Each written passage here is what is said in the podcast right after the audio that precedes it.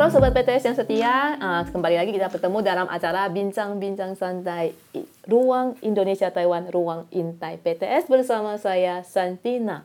Seperti yang kita ketahui sebelumnya dalam pembicaraan sebelumnya kita uh, sudah bertemu dengan Pak Agus ya. dari Jakarta ya. Dia dulunya berstatus PMI, PMI ya, pekerja migran Indonesia yang resmi yang kemudian uh, menjadi swasta dan terakhir menjadi suami orang Taiwan ya. dan sekarang bekerja di di Departemen, Ketenaga Kerjaan. Ya, oke. Uh, ini lika-liku ceritanya sangat uh, bisa kita dengarkan kembali ya uh, pada perbincangan sebelumnya. Tapi sekarang kita mau membicarakan tentang statusnya dari seorang PMI swasta menjadi penerjemah pemerintah.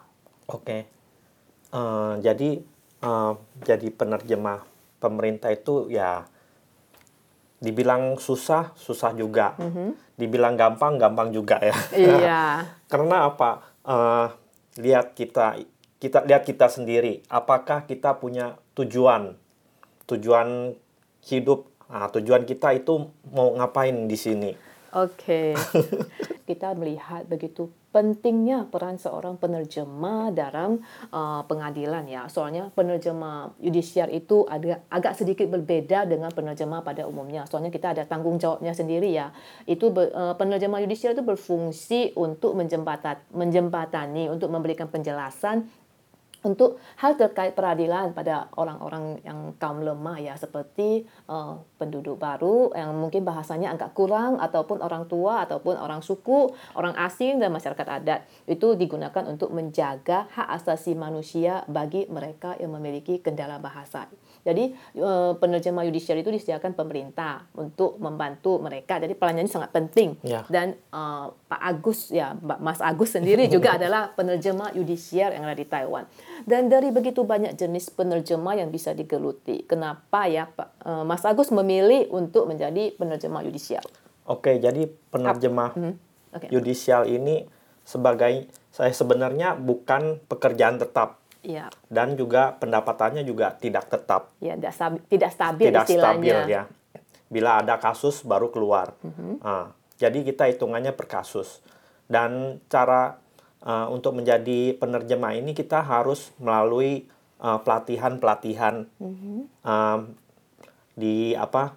Uh, biasa di pemerintah Taiwan itu ada uh, polisi bagian luar negeri ya. Uh -huh. Nah, dia mengadakan pelatihan-pelatihan sebagai sebagai apa penerjemah judicial ini dan uh, ada melalui ujian-ujian atau tes-tes oh. dari dari pelatihan ini.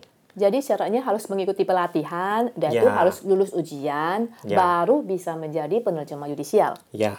Oh, jadi ya. begitu berarti berarti Mas Agus juga mengikuti pelatihan ini di mana ya? ya biasanya bias, disediakan Biasanya itu di uh, daerah-daerah seperti apa uh, pem, uh, setiap daerah setiap daerah ya iya. kabupaten itu mm -hmm. uh, pemerintah daerah itu uh, menyediakan menyediakan menyediakan apa uh, wadah wadah maksudnya disediakan uh, mereka bekerja sama dengan asosiasi atau langsung Bukan, saja mereka itu diumumkan gitu pemerintah Taiwan jadi dari kepolisian luar negeri itu mengadakan hmm. mengadakan uh, pe, pelatihan, pelatihan mm -hmm. ya, langsung dari langsung mereka dari ya? mereka. Oh, maksudnya tidak di maksudnya tidak di uh, tidak ya, melalui asosiasi, melalui asosiasi. ya. Oh. Jadi mereka sendiri yang turun melatih kita sebagai penerjemah ya. Hmm. Dan kita langsung dites uh, ada tes tulis dan tes apa? tanya jawab ya. Tanya jawab. Oke, okay. ya. itu itu informasinya biasanya didapat dari mana ya? Uh, biasanya itu di kantor-kantor kantor-kantor polisi itu uh, ada bisa apa kalau kita sudah uh, kenal atau di kantor pemerintahan juga ada ada apa? Uh, ada informasinya. informasi. Jadi uh, Jadi uh, sebagai penduduk baru kita juga harus aktif untuk ikut pembelajaran. Jadi waktu mungkin di daerah, uh, maksudnya di tempat hmm. belajar itu mungkin ada info-info pembelajaran ya, yang lain, ya. info kelas yang lain yang bisa kita ikuti. Atau dari teman-teman oh, juga. dari teman-teman, uh, ya. Atau dari website. Ya, medsos ya. Medsos ya, medsos lebih banyak ya. Ya, medsos. Harusnya. Oke, kita sebenarnya kan. Uh, ini saya jelaskan sedikit tentang hak dasar di depan hukum ya. Soalnya kita mungkin akan ada kemungkinan kita akan ditahan polisi ataupun apalagi sekarang sepertinya memang ada razia ya, sering ya. razia. Ya. Jadi kita itu entah kita itu bersalah atau enggak ataupun kita melanggar hukum atau tidak, kita harus mengingat kita ada tiga hak dasar. Yang pertama itu adalah hak untuk diam. Kita tidak perlu membuat pernyataan yang bertentangan dengan maksud diri kita sendiri. Jadi, jadi kita bisa berhak untuk diam. Yang kedua itu adalah hak menghubungi pendamping atau penasihat hukum pengacara. Dan untuk keluarga yang berpenghasilan rendah, berpenghasilan menengah ke bawah, ataupun penduduk asli atau kaum lemah boleh mengajukan bantuan hukum. Dan biasanya bantuan hukum ini bersifat gratis ya. Jadi kita ada hak untuk menghubungi pendamping, penasihat hukum. Dan yang ketiga itu adalah hak meminta untuk menyelidiki bukti yang mendukung posisi Anda. Jadi kita harus mengingati yeah. kita ada hak-hak dasar kita di depan hukum loh. Hmm. Oke, okay.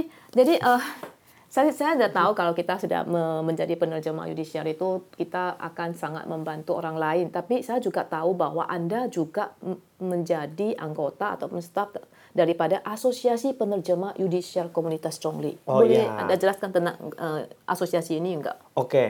Jadi asosiasi ini sebelumnya saya uh, melihat di medsos ya kayak mm -hmm. FB itu uh, komunitas-komunitas itu uh, ada kelas-kelas ya, mm-hmm. kelas-kelas penerjemah. Mm-hmm. Jadi saya mulai mendaftar ya kira-kira sudah 4-5 tahun ya. Mm. 4-5 tahun yang lalu saya mendaftar dan saya belajar selama kelas ini dibuka untuk satu tahun belajar ya. Ya jadi satu jadi kayak kita penduduk baru harus kerja, punya keluarga atau punya anak. Uh, dalam satu minggu itu cuma belajar satu hari oh. selama dua jam. Mm-hmm. Uh, jadi kita ikut kelas ini, kita bisa mengetahui hukum-hukum kehidupan di Taiwan. Mm. Uh, dari mulai bangun tidur, apakah berhubungan dengan hukum? Mm-hmm. Ya berhubungan. Yeah. Ya karena kenapa? Uh, misalkan kita hmm. baru bangun tidur nih. Hmm. Nah, terus di depan pintu udah bunyi suara-suara yang apa uh, berisik. Berisik, ya. Nah, itu juga mengganggu apa polusi. Polusi. Oh, polusi suara, suara. gitu. Oh, nah, ya. Dan ini berhubungan dengan hukum dan kita bisa melaporkan ini ke pihak berwajib. Oh. Nah. Jadi setiap uh, kegiatan itu maksudnya ketika kita masih bernafas ya. ya. Segala sesuatu itu berhubungan dengan hukum kita ya. bisa melaporkannya apalagi di Taiwan ya. ya.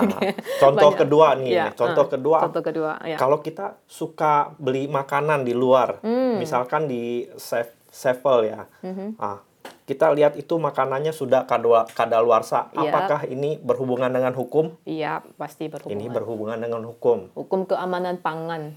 Ya, ini kita bisa melaporkan ke pihak yang berwajib, pihak yang berwajib mm -mm. atau ke perlindungan apa jual beli ya. Mm -mm.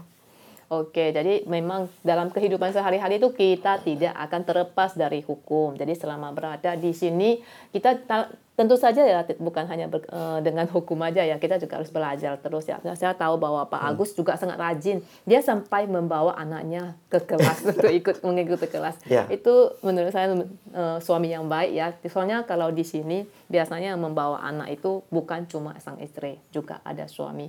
Jadi juga kepada teman-teman sekalian untuk menjadi suami yang baik jangan hanya membiarkan istri anda yang membawa anak anda.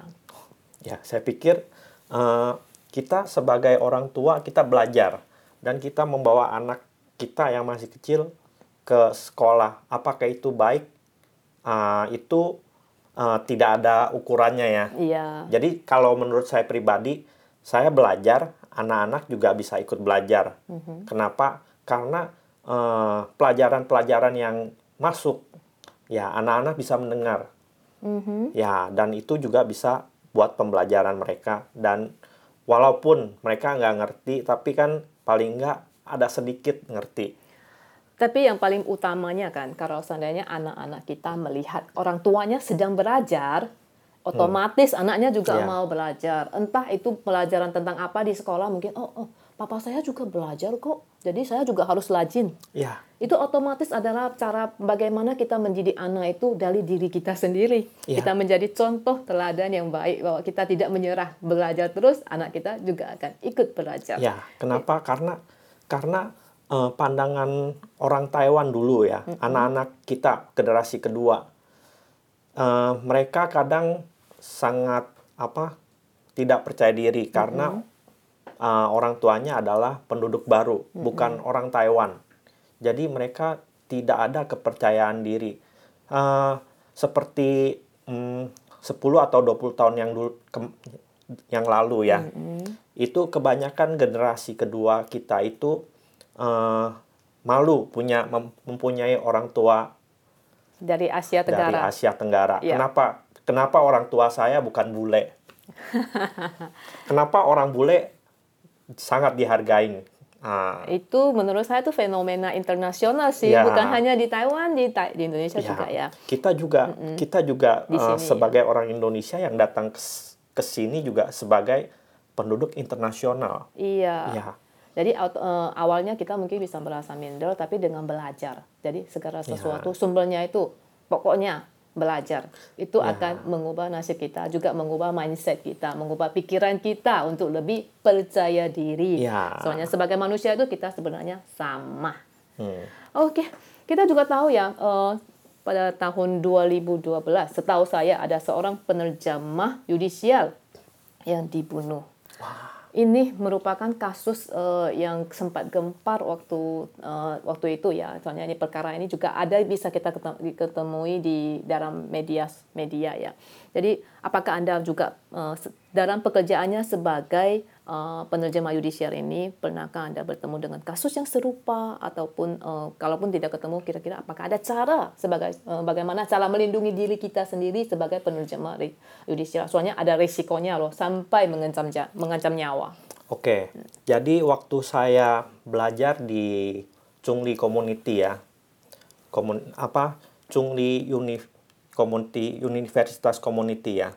Ah, jadi di dalam kelas ini di dipelajari masalah-masalah untuk mencegah ses- ah, hal-hal yang tidak diinginkan selama kita jad- menjadi penerjemah. Ya, seperti apa Ah, aja? Jadi kita lihat kasusnya dulu ya.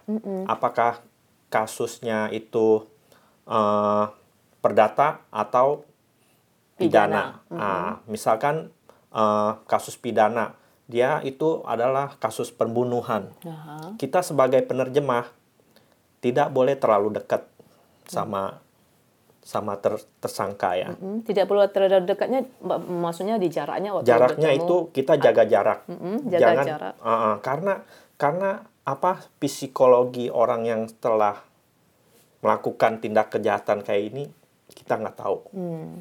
Ya, karena itu sangat beresiko buat kita sendiri. Mm-hmm. Ah, dan uh, yang untuk kasus perdata biasa ya kita sebagai penerjemah ya kita harus tahu bagaimana cara bekerja sebagai profesional. Mm-hmm. Ya, tujuan kita di sana kerjaan kita itu hanya menerjemahkan yang dikatakan uh, tersangka dan uh, polisi, ya. Polisi, iya. Uh-uh. Dan kita tidak boleh memihak antara uh, tersangka dan atau polisi. Oh, jadi eh, maksudnya caranya itu dengan menjaga jarak ya, baik dari eh, waktu secara fisik maksudnya waktu Ya. menerjemah itu kita mungkin tidak men- Kita eh, memilih kasus. tidak memilih kasus lagian itu memang ada aturannya ya kita juga enggak tidak boleh terlalu dekat tidak untuk itu suaranya juga harus jadi Ya. lantang ya biar jangan sampai eh, kedua pihak tidak bisa mendengarkan dengan jelas Ya. jadi untuk eh, mengatasi masalah jarak itu kita harus memiliki suara yang cukup keras Ya. itu juga untuk memiliki suara yang cukup keras itu juga harus memiliki kesehatan yang baik ya soalnya kalau lagi sakit-sakitan mungkin agak sulit ya Ya. Oke, yang mungkin yang tadinya selain itu mungkin harus lagi menjaga jarak bukan hanya eh, secara fisik saja.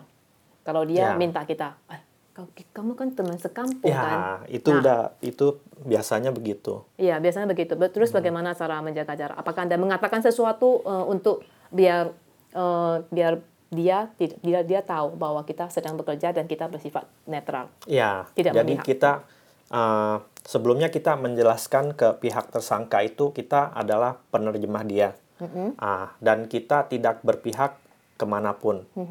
Ya, kita hanya ditugaskan untuk menerjemahkan. Karena kenapa? Karena kita menerjemahkan itu uh, juga ada berkaitan dengan hukum. Kalau kita menerjemahkan dengan salah atau berpihak kepada tersangka, itu ada hukum-hukum tertentu yang bisa uh, memberatkan seorang penerjemah. Iya. Saya juga pernah mendengarkannya ada yang mem- memberikan tips langsung langsung katakan kepada dia apa yang kamu katakan tadi akan saya sampaikan kepada Pak Ya. Hakim. Nah, jadi kalau Anda tidak ingin me- eh, saya menyampaikan apa yang Anda katakan, tolong jangan katakan. Saya cuma jawab aja pertanyaan yang diberikan. Mungkin kita bisa dengan tegas ya men- mengatakan hal demikian untuk mencegah hal-hal yang eh, tidak diinginkan ya. Oke, terus apakah Anda bisa membagikan pengalaman maksudnya satu dua kasus tentang eh, bagaimana hmm, pengalamannya di, langsung di lapangan mungkin di waktu di pusat Biasa saya hari Sabtu, Senin sampai Jumat itu bekerja seperti biasa. Jadi saya mengambil uh, apa part time ya sebagai penerjemah itu saya mengambil pada malam hari. Hmm, karena uh, jadwal pesawat Indonesia itu semuanya malam. Jadi kadang-kadang itu uh, dari kepolisian bandara itu suka ada kasus yang yang harus yang kita Kira-kira bantu ya. kasusnya seperti apa? Biasanya itu anak eh, anak-anak TKI yang pernah datang ke sini dan pulang ke Indonesia dan dia kembali ke Taiwan. Itu kebanyakan itu. Karena apa? Eh, setel- sebelum dia pulang ke Indonesia ada data-data yang belum dibersihkan. Misalkan misalkan nomor teleponnya itu kan nggak dibawa pulang karena dia pikir uh, udah nggak dipakai lagi. Akhirnya uh, kartu SIM cardnya ini dikasih ke temennya. Oh, Nah, itu juga berhubungan dengan hukum. iya. Ya, karena uh, di dalam SIM card itu masih ada data-data dia pribadi. Pribadinya, iya. Sedangkan orangnya sudah pulang ke Indonesia. Indonesia. Nah, kedua, uh, rekening bank. Ada juga rekening bank yang dijual ke orang lain. Oh, bisa menjadi bisa dijadikan eh, diperalat oleh sindikat penipuan loh ini. Ya, ini juga banyak sekali. Jadi eh, jangan karena uang beberapa ribu ya, berapa beberapa ribu ente kita sudah terbuai dengan uang ini. Sedangkan eh, data-data kita dipakai sama orang lain. Ya, dan pas kita balik ke Taiwan, otomatis pihak bandara akan Menangkap langsung. iya, akan dicegat. dicegat ya. Hmm. Jadi sangat penting loh ini eh, sobat-sobat PTS soalnya sebelum pulang gitu. Jadi kartu SIM card kita itu harus dibatalkan ataupun ya jangan dikasih ke teman lah. Soalnya nanti kalau diperalat ataupun digunakan untuk eh, tidak sengaja ya mungkin di- dia kasih lagi ke teman lain terus jatuh ke dalam sindikat penipuan apalagi sedangkan yang sering, sering marak-maraknya ya. Dan apalagi yang tentang rekening bank. Wah, ini Iya. masalah besar loh. Soalnya bukan hanya di Taiwan aja, itu di Indonesia juga uh, lagi marak-maraknya itu sindikat penipuan Ya. yang sangat um, aduh menga- uh, nanti kalian begitu begitu uh, tanpa alasan apa pun sudah menjadi kriminal. Ya. Terus ada lagi enggak yang lainnya? Ya, ada eh, narkoba. Narkoba. Narkoba itu gimana kasusnya?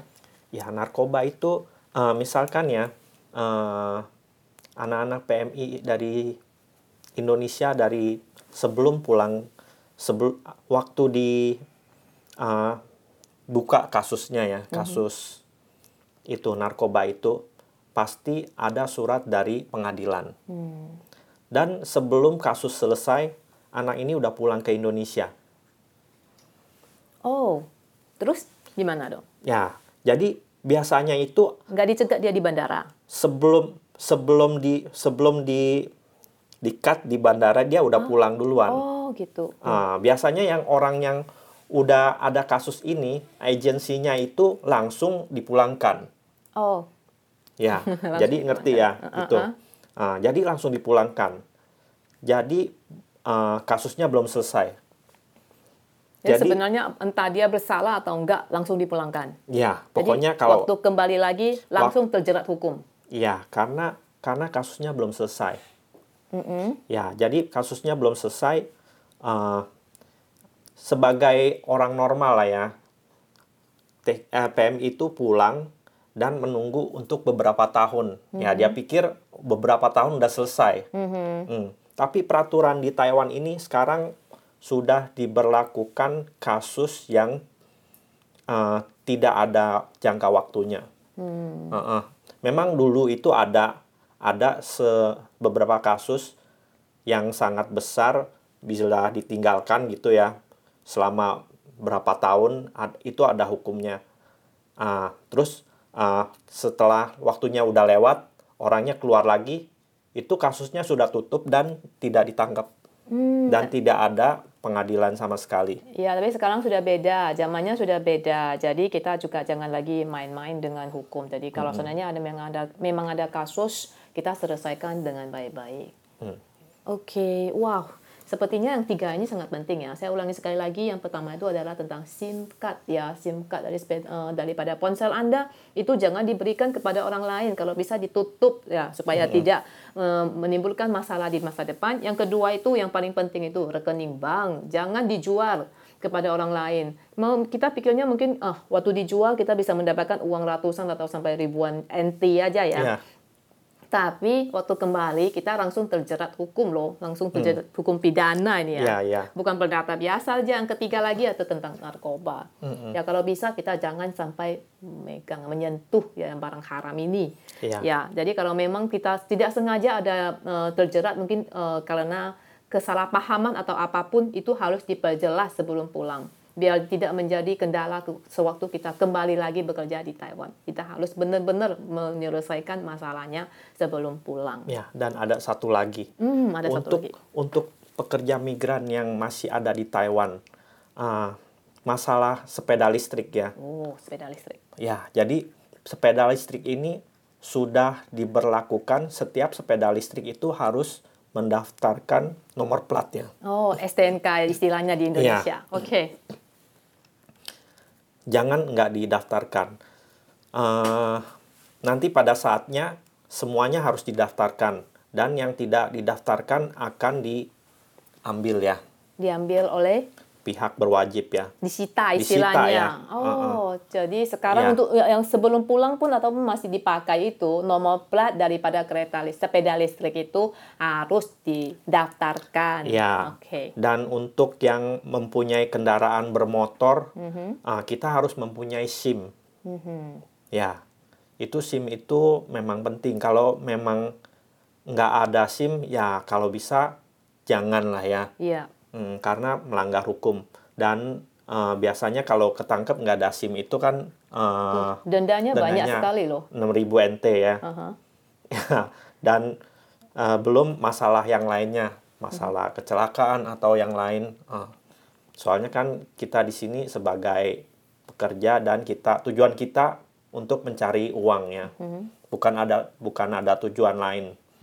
Iya, jadi selama di Taiwan kita harus eh, mempergunakan waktu dengan baik dan kita tidak eh, mencari masalah ya. Iya. Wow. Banyak sekali ya pesan-pesannya yang memang membimbing ya. Soalnya kita yang, yang terakhir yang duanya, yang sisanya lagi itu adalah tentang sepeda listrik itu kita harus daftarkan dan juga kita harus mempunyai SIM soalnya kalau seandainya memang terjadi kecelakaan itu awalnya kita yang pertama kali kita sudah disarankan soalnya nggak punya SIM. Ya. Jadi itu eh, penting untuk meng, eh, untuk menghormati hukum di mana kita berpijak ya. Oke, eh, yang terakhir itu kita eh, saya mau tanyakan dari pengalaman Anda apakah ada masalah eh, dalam sistem penerjemahan di Taiwan saat ini dan apakah ada saran-saran untuk pemerintah Taiwan gitu. Oke, jadi eh, untuk penerjemah yudisial ini, eh, sementara eh, kita sebagai penerjemah yang profesional dan kita eh, yang masih belajar sebagai penerjemah itu ya, Ya. ya kita eh, harus eh, tegak ya, jangan berpihak kepada si A atau si B, ya karena pekerjaan kita sebagai penerjemah dan bukan sebagai yang lain-lain. Perantara. Bukan Eh, perantara atau bukan. yang ya kita itu perantara, Mhm. tapi bukan untuk berpihak ke pihak eh, misalkan Indonesia karena kita itu sebangsa. Mm-mm. Eh, tapi kita tahu pekerjaan kita hanya sebagai penerjemah. Mhm. Mm-mm. Ya, i- kira-kira itu aja pesan saya. Dan untuk dari pemerintah Taiwan ya, eh, ini kita kan eh, cuma sebagai pekerja part-time dan untuk apa sebagai penerjemah profesional harusnya eh, permasalahan apa eh, pembayaran per jamnya ya. jaminan jaminan upahnya. ya Oke. jaminan upahnya ya denger-dengar sih mau dinaikkan tapi kan belum diketok palunya Iya, jadi itu eh, diharapkan untuk menaikkan upah daripada penerjemah Ya. judicial. Soalnya kita memang eh, upahnya itu benar-benar bukan sebagai tidak tinggi lah. Tidak bisa dijadikan sebuah mata pencaharian penuh ya, nggak bisa Ya. full time. nggak bisa full time Nanti kelaparan ntar. Oke, berarti kita maksudnya eh, kita sebagai penerjemah yudisial itu kita harus bersifat netral, tidak berpihak. Jadi eh, biar kita tidak terjepit dari eh, dengan rekan sebangsa dengan dan kepolisian ataupun pihak berwajib. Jadi kita bersifat netral aja. Itu pesan aja kita untuk penerjemah. Jadi kita bersifat netral itu sangat penting ya. Oke, yang terakhir kan sebenarnya apa yang bisa dilakukan pemerintah sebagai upaya perbaikan? Eh, sementara ini eh, pemerintah juga yang saya tahu ya pemerintah juga berusaha untuk memberikan yang terbaik buat kita ya Nah, dan kita juga berusaha untuk menjadi eh, penerjemah yang profesional dalam bidangnya ya Oke. Ah, dan ini kita juga butuh pelatihan-pelatihan yang sangat uh, mendukung untuk keprofesional keprofesionalan sebagai penerjemah ya. Iya. Dan untuk pemerintah mungkin bisa ditambah jam-jam pelatihan ya, jam-jam pelatihan. jam pelatihan Mm, yang dan pelajaran yang lebih detail Mhm. mengenai hukum-hukum uh, sebagai apa uh, pekerja migran, penduduk baru ataupun sebagai apa mahasiswa di Taiwan. Oke, jadi diharapkan dari pemerintah sini untuk menjadikan pelajaran yang lebih banyak ya, baik dalam dalam hal jam pelajaran maupun tentang detailnya dari pelajaran tentang hukum yang ada di Taiwan. Jadi ini yang diharapkan ya. Ya se- sebenarnya di Taiwan sini sekarang juga telah menyediakan eh, penerjemah secara online ya untuk eh, eh, daerah-daerah yang jauh soalnya eh, pener- jumlah penye- penerjemah yudisiar memang tidak banyak. Tapi untungnya sekarang sudah ada penerjemah daring, tapi kita harus eh, perbanyak lagi Iya. soalnya dan harus dijaga juga tentang upahnya. Soalnya memang eh, masa eh, tentang upahnya ini yang mau dinaikkan sampai sekarang juga belum diketok paronya. Jadi eh, kita harapkan ada pemerintah bisa mendengarkan apa suara hati daripada penerjemah yudisiar. Oke, yang terakhir kita mengucapkan banyak terima kasih kepada Mas Agus yang telah berbagi kepada kita banyak ya tentang uh, baik dalam kehidupan maupun uh, dalam mener- dalam dunia penerjemah. Ya. Dan itu sobat PTS yang terpenting dari kita adalah bagaimana cara kita menghadapi masalah. Kalau kita bertemu dengan masalah dengan ber- uh, dengan tangan yang dihadapi, kita harus berusaha mengatasinya dan bukan menyerah pada uh, pada masalah-masalah tersebut. Kunci kesuksesan di perantauan adalah menguatkan hati untuk tidak mudah goyah dan kita harus patuh pada maksud awal kedatangan kita. Oke, terima kasih telah mengikuti uh, acara kita hari ini. Uh, kita bertemu lagi di acara Luang Intai PTS yang lainnya. Sampai jumpa.